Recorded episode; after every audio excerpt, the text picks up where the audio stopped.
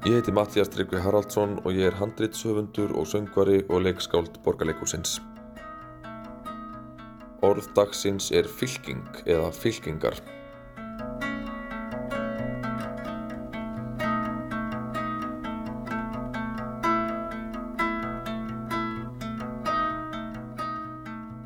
Um daginn satt ég og horfið á mynd á Netflix heima hjá mér þegar gamall kunningi ringdi mig.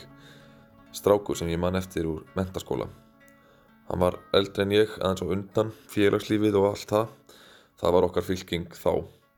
Ég leiti upp til hans að mörguleiti. Hann var alltaf að djóka eitthvað í krökkunum, fremstur í fylkingu. En svo útskrifaðist hann og síðar ég og hvor fór sína leið. En svo ringir hann.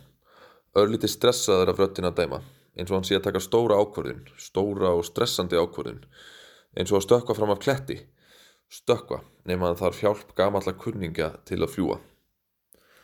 Hann var búinn að skrá sig í stjórnmálaflokk, sagðan mér. Hann ætlaði í frambóð.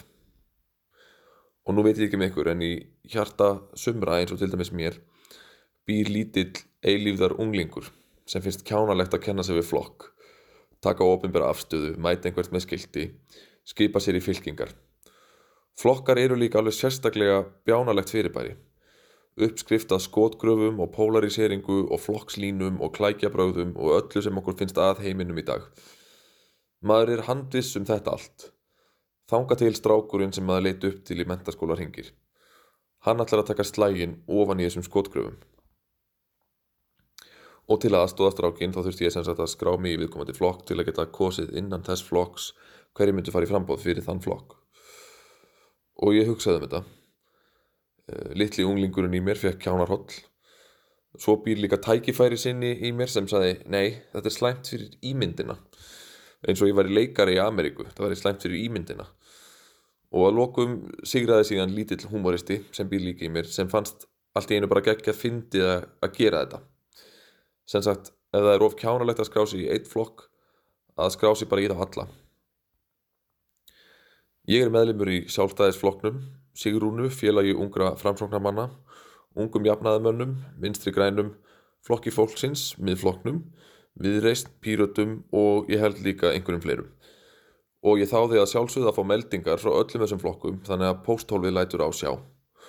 Og ég geng um götur og ég segi hluti á borð við Já, við í minni hlutunum, við höfum lengi bent á þetta.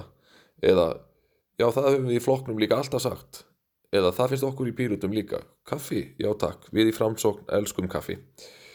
Ég segi þetta við öll tilöfni.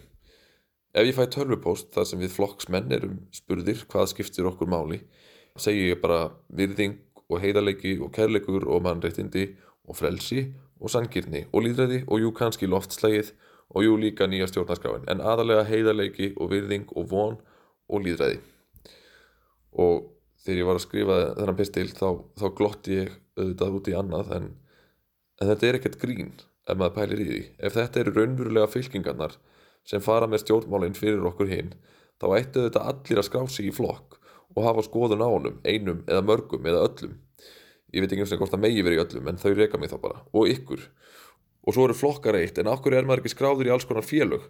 Landvend, Landsbjörg, S.A.A. Geðhjálp, Ferðarfélagið samtökum Sárameðferð samtökum Endometriósu samtökum Bílausan lífstíl samtök síðleysingja ég veit það ekki þetta er allt stærðir og breytur og fylkingar sem geta haft áhrif á samfélagið skrá sig í eblingu og essa og vera sammála og ósamála öllu sem allir segja alltaf Næst þegar eitt flokkur gaggrinir annan ætla ég bæði að vera sammála því en taka því líka mjög personulega sem fulltrúi begja aðila í málinu.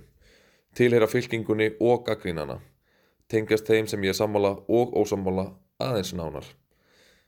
Það er allavega vonandi skára en að tilheyra hvorugri fylkingu og vera alveg samum þær báðar. Fylking, hópur sem fylgir vissum skoðunum eða stjórnmálastefnu.